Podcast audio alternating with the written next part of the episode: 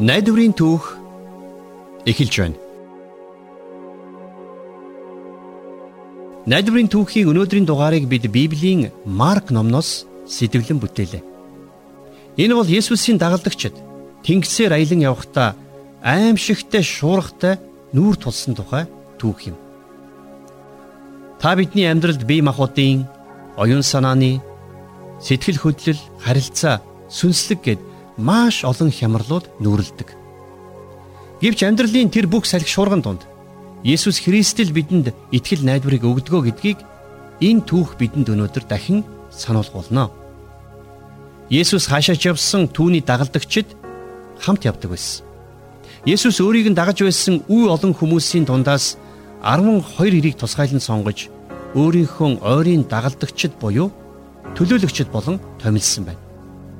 Тэдгээр ирчүүд Есүсийн 3 жилийн үйлчлэлийн туршид Есүсийг үргэлж дагалдсан юм. Тэд Есүсийн сургаалыг сонсож түүний үйлдэх гайхамшгуудын гэрч болж Бурхантай болон бусадтай яаж харилцахыг нь суралцж байлаа.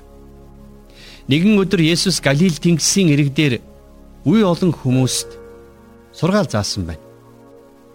Улмаар Есүсийн яриаг сонсохын тулд маш олон хүн түүнийг бүчин шавсан учраас Есүс завинд сууж завин дээрээс иргэдэр хүмүүст сургаалаа айлтсан байдаг. А ингэж дуусаад үдэш болоход Есүс дагалдагчдийнхаа хамт хурсан олноос холдож тэнгисийг гатлахаар завтайгаа хөдөлсөн. А гэвч тэнгисийн нөгөө иргэдэр тэднийг бүр олон хүн хүлээж байсан. Бүтэн өдрийн туршид хүмүүст үйлчилсэн учраас Есүс маш их ядарч усан онгоцны хитэг дээр унтаж байлаа. Гэтэл яг тэр үед шуурга дэгдсэн байна. Давлгаа завийг ийш тийш нь шидэж дагалдагчид амнасаа алдах нь хэмээн айж эхэлсэн байдаг. Ингээд эцэст нь тэд Есүсээс тусламж хүссэн дуудсанд Есүс үгээрээ зандран салхи шуургыг намжаасан. Ингээд энхүү амьдралын шуурган донд Есүс бидэнд хэрхэн яаж итгэл найдварыг өгдөг талаар өгүүлэх Есүсийн дагалдагчдын нэг болох Петрийн ярианд одоо анхаарлаа хандуулцгаая.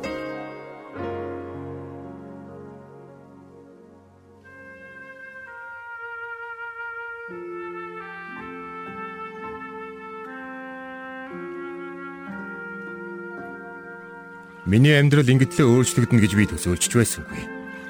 Би өөрөө загасч хүн. Тэнгисийн ишгээр манай гэр бүл боломжийн сайхан амьдардаг байлаа. Загасчны амьдрал хэцүү. Гэхдээ бид тэнгист гарч тэнгисээр гэрхийн амьдрахтаа дуртай. Эцэг маань бидэнд урдах ажлаа хэн хүнээс илүү сайн хийж чаддаг байх нь чухал гэж үргэлж сургадаг байлаа. Тиймээс ч бид эцгийнхээ үлгэр жишээг дагахыг хичээдэг байлаа. Гэтэл Есүс бидний амьдралд гэнт орж ирсэн юм. Гэхдээ би ихэндээ Есүсийн тухай сураг чимээ сонсож байсан чи түүнтэй огт уулзч байсангүй. Гэтэл нэг л өдөр тэр бидэн дээр өөрөө хурж ирсэн юм. Тэр өдөр Андрей бид хоёр уламжлал ёсоор Галил тэнгис тороо хаяад завгүй ажиллаж байлаа. Тийхүү Есүстэй уулзсан өдрөөс эхлээд миний нэрч тэр, миний амьдралын хэм маягч тэр орвонгороо өөрчлөгдсөн билээ. Ээ, загас барьж баймаар сайхан өдөр байна та. Тийм ээ, Андрэ. Чи юу гэж бодож байна? Нэрэл тогтуухан салхитай сайхан өдөр байна. Гэхдээ тэглээгээд загас торонд ордог л байгаа да. Юу ч гэсэн тор аяд үзэх үү? Хараач хэм.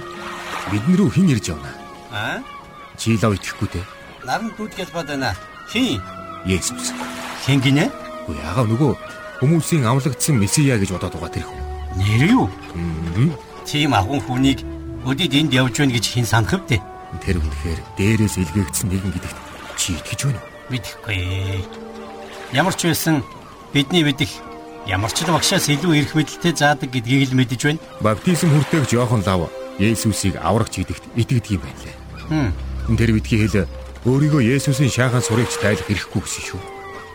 Бурхны иш үзүүлэгч хүн ингэж хэлж байна гэхээр лавл нэг л хүн биш байж таа. Харин тийм ээ.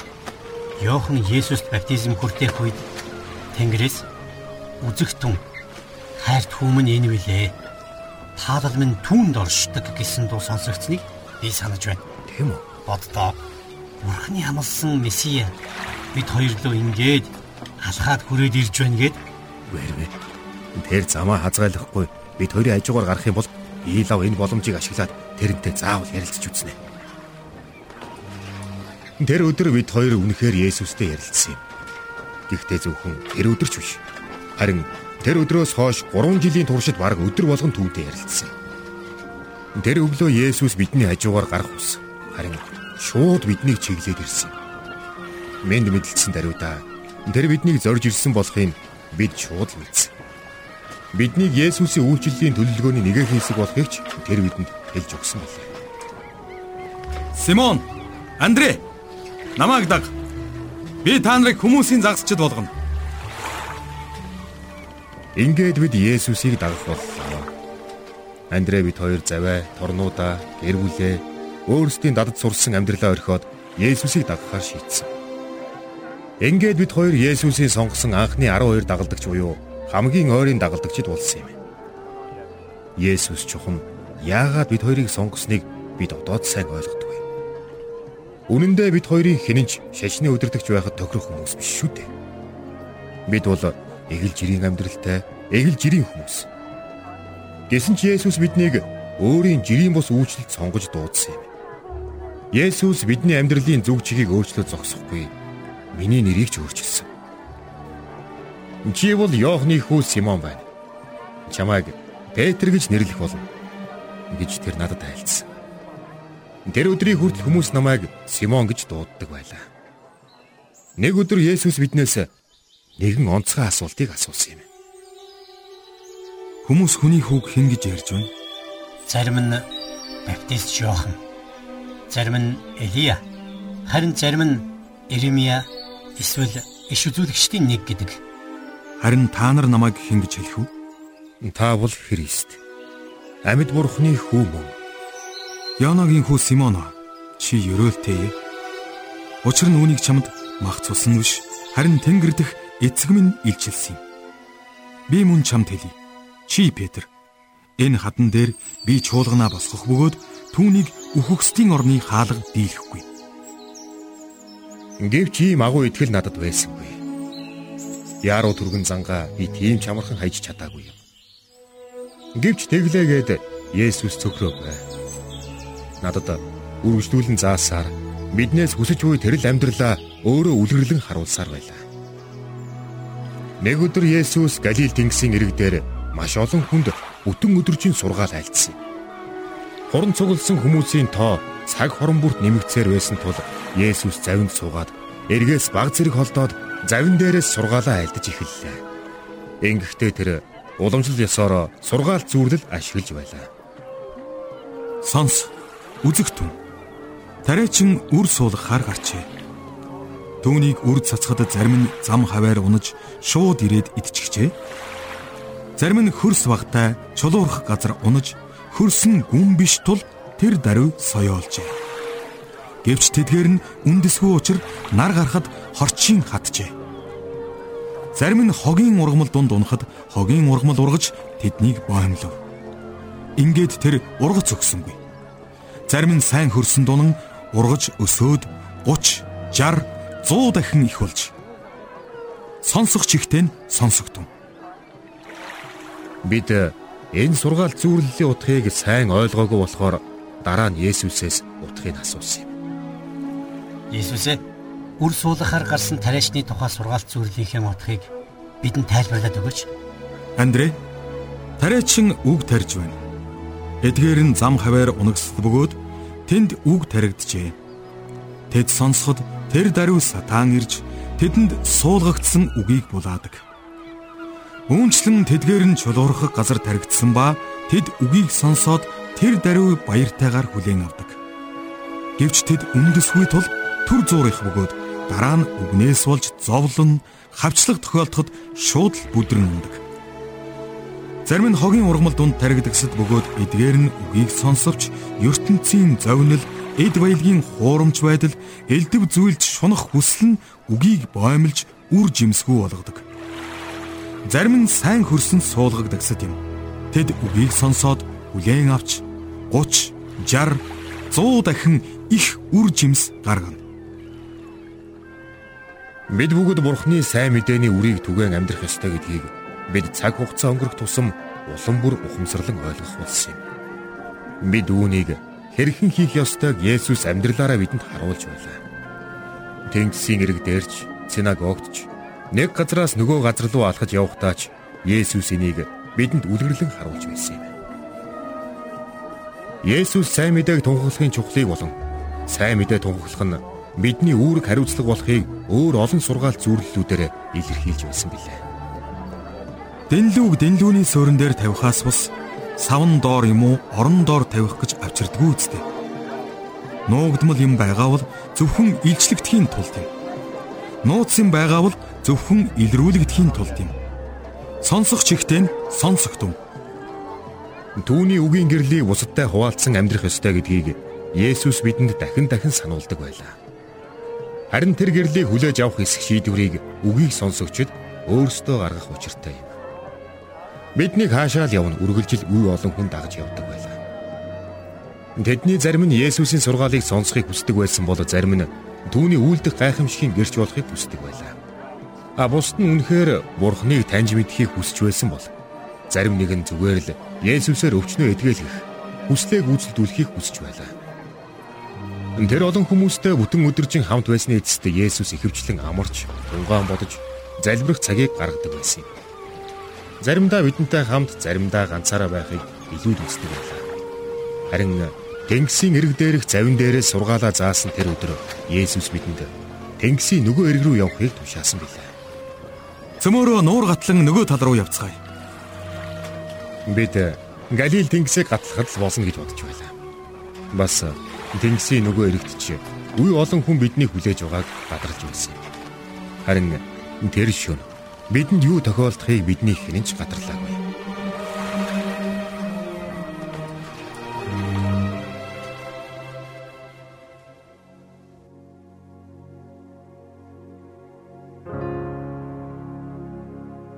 Найдварын түүх үргэлжилж байна. Есүс загасчин Петр болон тэрний дүү Андрийг өөрлөгөө дуудаж улмаар тэднийг хүмүүсийг загасчлах загасчд болгосон. Ингээд тэр хоёр Есүсийн хамгийн ойрын 12 дагалдагчийн нэг болсон түүхтэй. Есүс хаа явсан газартаа хүмүүст сургаал айлдаж тэдний гуйлд хүсэлтийг биелүүлж өгдөг байв. Энэхүү бүх үйл явдал донд Есүс 12 дагалдагчдаа аажмаар сургаж бэлтгэж байжээ. Ингээд нэгэн өдөр үе олон хүнд өдөржин сургаал айлцсны эцэст Есүс дагалагчдаа дагуулan Галил тэнгисийг хөндлөн гатлахаар хөдөлсөн байна. За ингээд түүх цаашид хэрхэн яаж өрнөхийг одоо үргэлжлүүлэн сонсцгоё.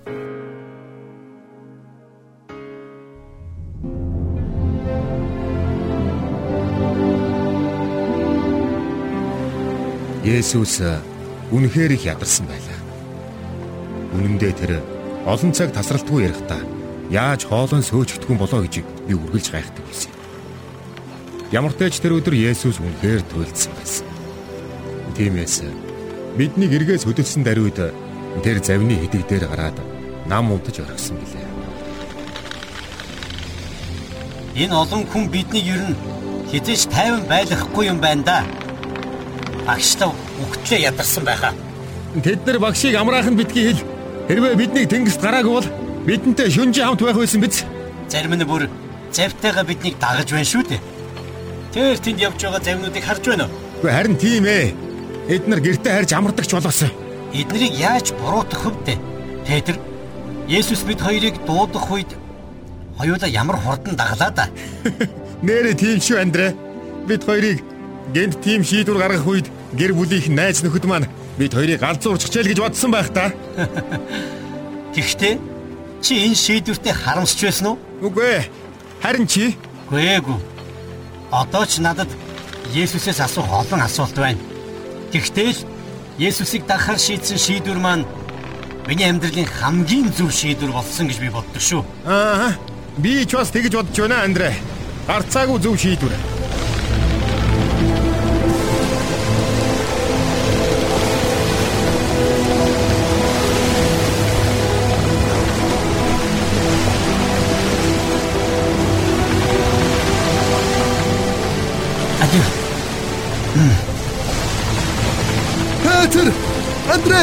Хэдүүлээ. Хэдүүлээ яах вэ? Яаков чи Йохантай хамт эрг рүү сэлүүрдэд бай. Тэр хооронд бид нар завин дээрх усыг шавхъя. Бүгдээрээ сайн бариараа. Хүндлэн шин болох шиг байна шүү. Ой. Хаасан саваад усыг шавхаарай. Энэ маягаараа удвал завин маань удахгүй живэх. Харин тэгхнэ. Бурхан минь биднийг авраарай.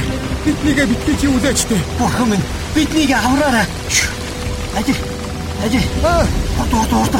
за. Ийм ширүүн шуур амьдралдаа үдчих байсангүй. Харин тэгдэ хорт хорт. Ажи эндээс. Наша наша. За. Энэ шуурх цогсохгүй одоо ингээд өнгөрөх юм байна л та. Йоо. Яаков. Чи чи Есүсийг харав уу? Сүүл харахад лав хэтгдэр хүүхэд чиг нам удаж байсан да. Одоо юугаа хүлээх вэ? Багш их сэрээе. Биднэрт багшийн туршилтаа хэрэгтэй болоод байна. Багш их ядарчихсан байгаа шүү дээ Петр. Түүг удах хэрэг байна уу? Чи чи солиорчгоо юу? Хэрвээ бид одоо л багшийг сэрэхгүй бол дараа гэж байхгүй ч болж мэдхээр байна. Алив. Бошохон сэрээцгээе. За за. Тэгье. Багшаа, Есүсээ сэрээрээ. Сэрээрээ багшаа. Яасан бэ Петр? Юу болов вэ? Эзээ. Авраач. Би цэвэрлээ. Багшаа, бидний сүүхэн танд хамаагүй гэж юу? Босоод биднийг авраач дээ. Есүс сэрж бидний гуйлтыг сонсоод салхины өдөөс харан зогслоо. Ширүүн шуурга түүний нүрийг шавхуурдан золтой л цохоод унахчихсангүй.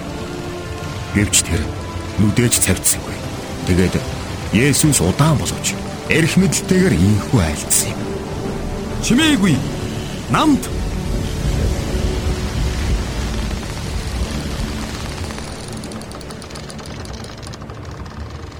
Юу болоод өнгөрөв?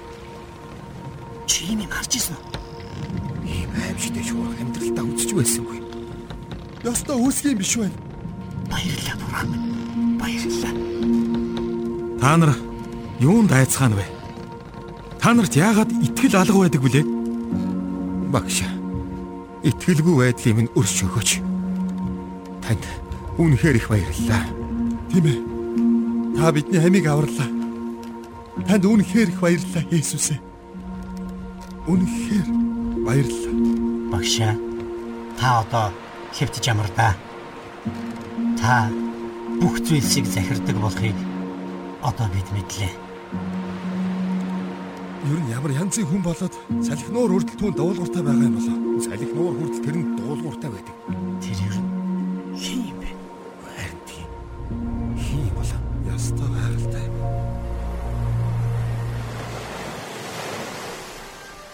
Есүсийн эрх мэдэл хүч чадал бүх бүтээлүүдээс читийдсэн агуу гэдгийг бид тэр өдөр ойлгож ухаарсан юм. Бидний дотор гайхан биширсэн, эмээн хүндэлсэн, итгэлгүй байдалтай харуулсан сэтгэл хөдлөл сүлэлдэн байлаа. Гэвч маргаашийн өдрийн үйлчлэл бидний хүлээж байсан учраас бүгд унтаж амархаар хэвтцгээсэн юм. Аимшигтэй салхи шуурган дунд бид найдвар тасран айдаст автсан байсан. Гэвч бид салхи шуурганд ус Есүс Христэд анхаарлаа хандуулах үед тэр бидэнд амар тайван итгэл найдварыг өгсөн юм. Учир нь бидний амьдралд юу ч тохиолдсон. Тэр бүхнийг захирдаг. Амьдралын альва салхи шуурган дунд бид хизээж ганцаардах. Тэр үргэлж бидэнтэй хамт байх болно.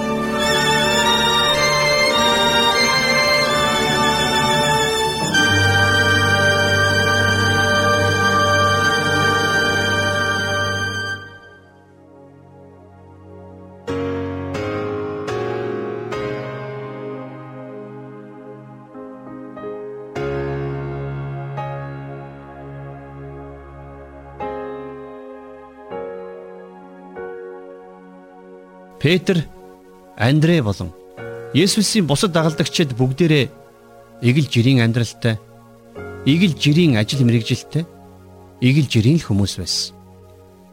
Гэвч Есүс тэднийг сонгож өөртөө дуудснаар тэдний амьдрал эгэл биш амьдрал болон өөрчлөгдсөн түүхтэй. Тэд эзэн Есүсийг дагахын тулд өөрсдийн мэддэг байсан бүхнээ хойш тавих хэрэгтэй болжээ. Эцэст нь тэдний ихэнх нь энэ л итгэлийнхээ төлөө амиа зориулсан. Есүс тэднийг өөртөө дуудснаас хойш загалмай дээр амиа өргөх хүртлээр тэдэнд цорын ганц үнэн бурханд итгэн амьдрах итгэлийн амьдралыг зааж сургаж байсан юм а. Тэр нэгэн шүн Есүсийг аимшигт шуургыг намжаах үед дагалдагчид нь нэгэн чухал зүйлийг ойлгож авсан юм. Тэдний амьдралд бие махбодын, оюун санааны, сэтгэл хөдлөлийн сүнслэг гээд ямар ч салхи шуурга тохиолдсон Есүс тэр бүхнийг намжааж чадна гэдгийг тэд ухаан ойлгосон юм. Иймээс ч Есүс тэднэрт амар амгаланг би та нарт үлдээн. Амар амгалангаа би та нарт өгнө. ертөнцийн өгдгөөс өөрийг би та нарт өгч байна. Үр зүрхээ бүү шаналга, бүү түгшицгээ химэн айлдсан байдгийн. Тэгвэл Есүсийн энэ сургамж өнөөдрийн та бидэнд ч гэсэн мөн чухал хамаатай. Есүс Тэнгэрд одсны дараагаар Паул Тесалоник хотынд бичсэн 2 дугаар захидлынхаа 3 дугаар бүлгийн 16 дугаар ишлэлдэр ингэж бичсэн байна. Амар амгалангийн эзэн өөрөө та нарт бүхий л аргаар үргэлж амар амгаланг сойрхог. Эзэн та бүгдтэй хамт байг гэж бичжээ. Та бидний амьдралд цөхөрмөр, найдвар тасрамаар нөхцөл байдлууд нүүрэлсэн ч гэсэн Бурхан бидэнд өөрийн гайхамшигтай амар тайвныг дүүргэн өгдөг. Тиймээс ч дуулал номын 46 дугаар бүлгийн 10 дугаар ишлэлдэр тэмцэлтгэ болж Бурхан гэдгийг минь мэд. Би улс үндэстнүүдийн дунд өргөмжлөгдөж дэлхийд өргөмжлөгдөнө хэмээн Бурхан өөрөө тунхагласан байдаг. Та бидний амьдрал тохиолдсон зовлон бэрхшээл ямар ч үр дагаварт хүргэсэн бай. Бид цорын ганц үнэн бурхнаас итгэл, найдвар, амар тайвныг олж чадна. Бурхан бол бид бүгдийн авралын төлөө дэлхийд ирж бидний төлөө загалмай дээр амиа өгсөн Есүс Христ билээ. Ингээд хамтдаа одоо сурсан зүйлсээ тунгаан бодож Бурхны өмнө нэгэн чухал шийдвэрийг гаргацгаая. Бурхан өнөөдөр ч гэсэн та биднийг үрдийн хайраараа хайрладаг. Харамсалтай та бидний гим нүгэл биднийг бурхнаас тусгаарладаг юм. Харин зөвхт ариун бидний бурхан бидний гим нүглийг уучлахын тулд өөрийн цорын ганц хүү Есүс Христийг бидэнд илгээсэн. Есүс Христ загалмай дээр та бидний төлөө амиа өгч бид бүгдэд гим нүглээ уучлуулах үүд хаалгыг дэлгэж өгсөн юм а. Үнэхээр Есүс та бидний нүглийн төлөө амиа өгсөн. Бас Есүс үхлээс амилсан. Тэр одоо амьд. Есүст бидний амьдралд орж ирэн бидний гим нүглийг уучилж бидэнд мөнхийн амийг өгөх хүч бий. Гим нүглийн уучлал болон мөнхийн ам бол Бурханаас үнгүй ирдэг бэлэг. Бид үүнийг өөрсдийнхөө хөдөлмөрөөр, өөрсдийнхөө үйлсээр олж авах шаардлагагүй, ингэгч боломжгүй. Харин бид Есүс Христэд итгэж түүнийг аврагч эзнээ болгон хүлээж авах үед бидний бүх гим нүгэл уучлагдж бид Бурханаас мөнхийн амийг хүлээн авдаг юм аа. Тэгэхээр би энэ цагт Бурханд хандан чин сэтгэлийн нэгэн залбирлыг хийх гэж байна. Та намайг сонсож дараа надтай хамт бас залбираарай. Бурхан аваа. Би яг одоо өөрийнхөө гим нүглээс сэргэж байна. Би өөрийнхөө итгэл найдварыг зөвхөн Есүст өгч Есүсийг аврагчаа болгон зөргсдгэлтэй хүлээн авч байна. Зөвхөн Есүсээр дамжуулан гим нүглийн уучлалыг хүлээн авсан гэдэгтээ би итгэж байна. Энэ өдрөөс эхлээд би Есүсийг дагнаа. Баярлалаа Есүсээ. Та намайг хайрлаж та миний амьдралд орж ирээрэй. Амен. Одоо та намайг дагаад залбираарай. А мэдээ залбирахдаа та чин зүрхнээсээ бурханд хандаарай. Бурхан аваа. Би яг одоо өөрийнхөө гим нүглээс эргэж байна. Би өөрийнхөө итгэл найдварыг зөвхөн Есүст өгч Есүсийг аврагчаа болгон зөрсдгэлдээ хүлээн авч байна. Зөвхөн Есүсээр дамжуулан гим нүглийн уучлалыг хүлээн авсан гэдэгтээ би одоо итгэж байна. Өнөөдрөөс эхлээд би Есүсийг дагнаа. Намайг хайрлаж миний амьдралд орж ирсэн Есүсээ танд баярлалаа. Амен. Ингээд таныг би Бурхны гэр бүл тавтай морилоо гэж урмаар байна. Найдварын түүхийн дараа дараачихын дугаараар бид Есүс Христийг хэрхэн яаж дагаж амьдрах тухай За мөн Есүс Христэд итгэх итгэл дотроо яаж өсөх тухай итгэгч хүн болгонд өгөгдсөн мөнхийн улсын найдварын тухай ярилцах болно. Ингээд дараачийн дугаараар эргээд уулзцгаая.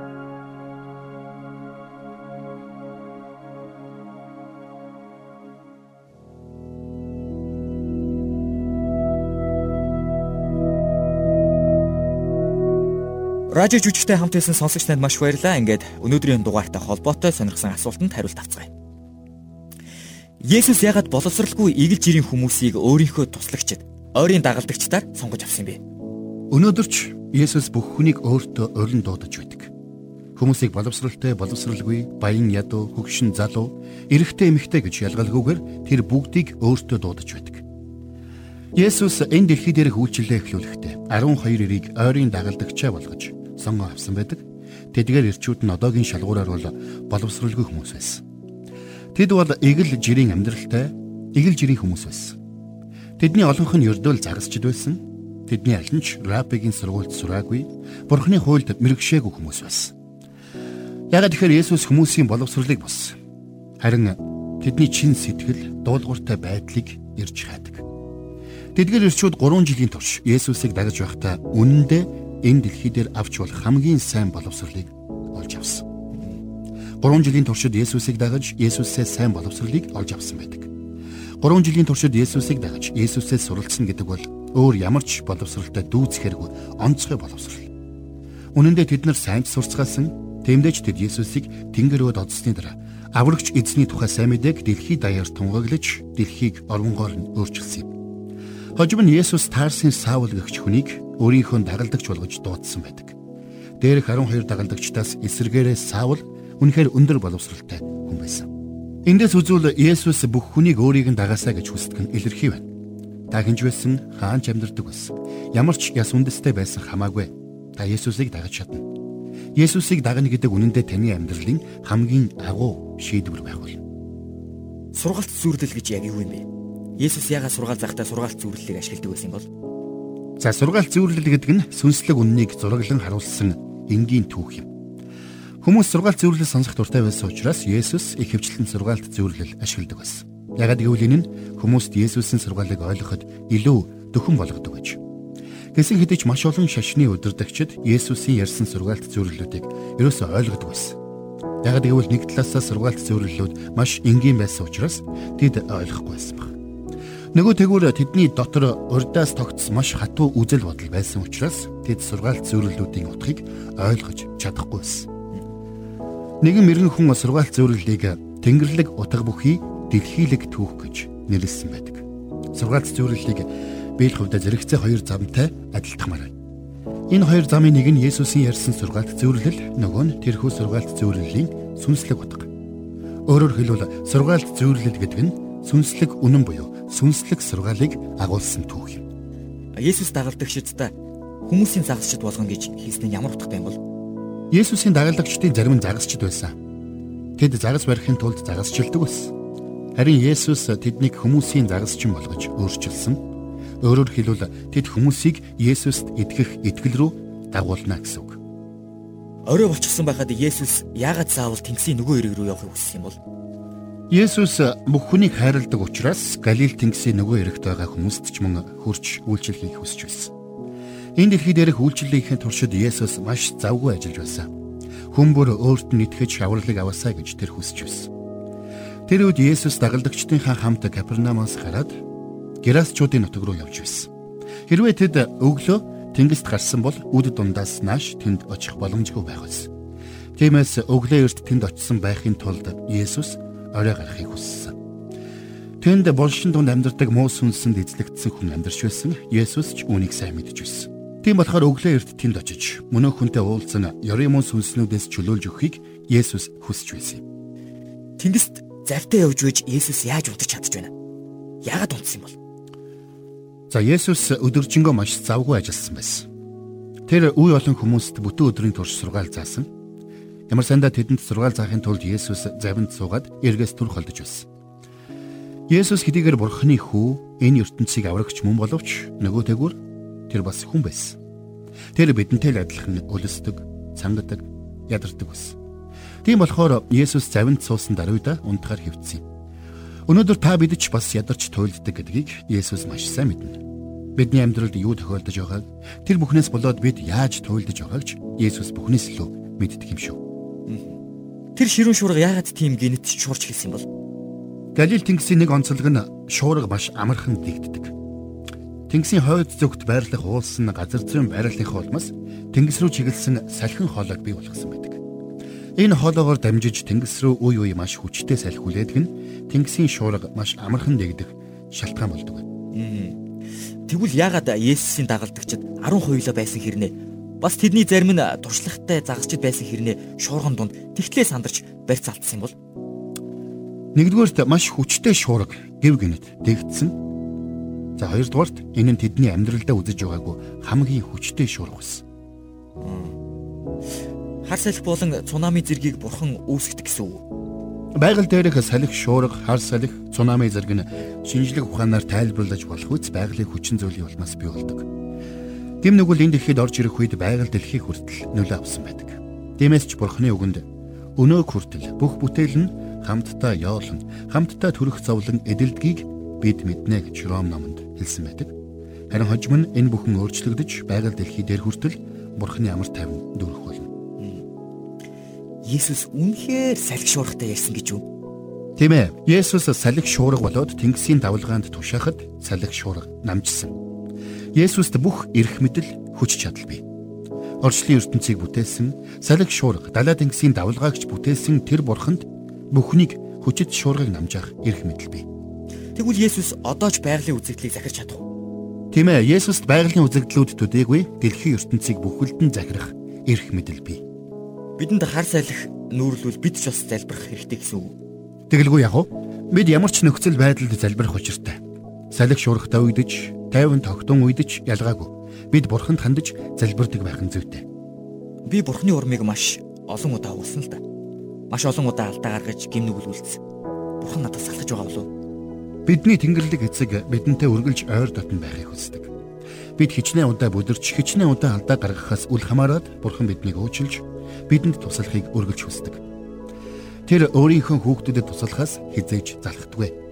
Хэдий тийм ч бид Бурханд тааламжтай амьдралаар амьдрахыг чадахч нэг хичээх учиртай. Миний хувийн амьдралд аимшигтай шуурга нүглээд байна л да. Би үүндээ юу хийж мэдэхгүй. Бурхан надад тусалж чадах болов. Өөрийн асуудлыг бидэнтэй хуваалцсан танд баярлалаа. Би таны төлөө залбирх болно. Мэдээж Бурхан танд тусалж чадна. Бурханы үг болох Библиэд Давид хаан өвглийн харанхуйн хөндийг туулсан ч хор муугаас би үл байна. Та надтай хамтагаад тайвшруулал минь таны сава, таны таяг үлээ хэмээн шүлгэлсэн байдаг. Та Есүс Христийг аврагч эзнээ болгож хүлээж авсан уу? Хэрвээ үгүй бол та яг одоо түүнийг аврагчаа болгож хүлээж аваарай. Гим нүглээ төвөнд өргөж, гим нүглээг чинь уучлан, амьдралд чинь орж ирэхийг Есүсээс тагуугаарай. Тэгээд Есүсийг дагаж амьдрах шийдвэрийг гаргаарай. Бас таны амьдралд нүүрлээд байгаа салхи шуургыг даван гарахад чинь туслахыг Есүсээс асууж гуйгаарай. Есүс танд гарцаагүй туслах болно гэдэгт эргэлзээг ута итгээрэй. Баярлалаа. Өнөөдрийн дугаараа энэ хүрээд өндөрлөё. Дараагийн дугаараар уулзцгаая.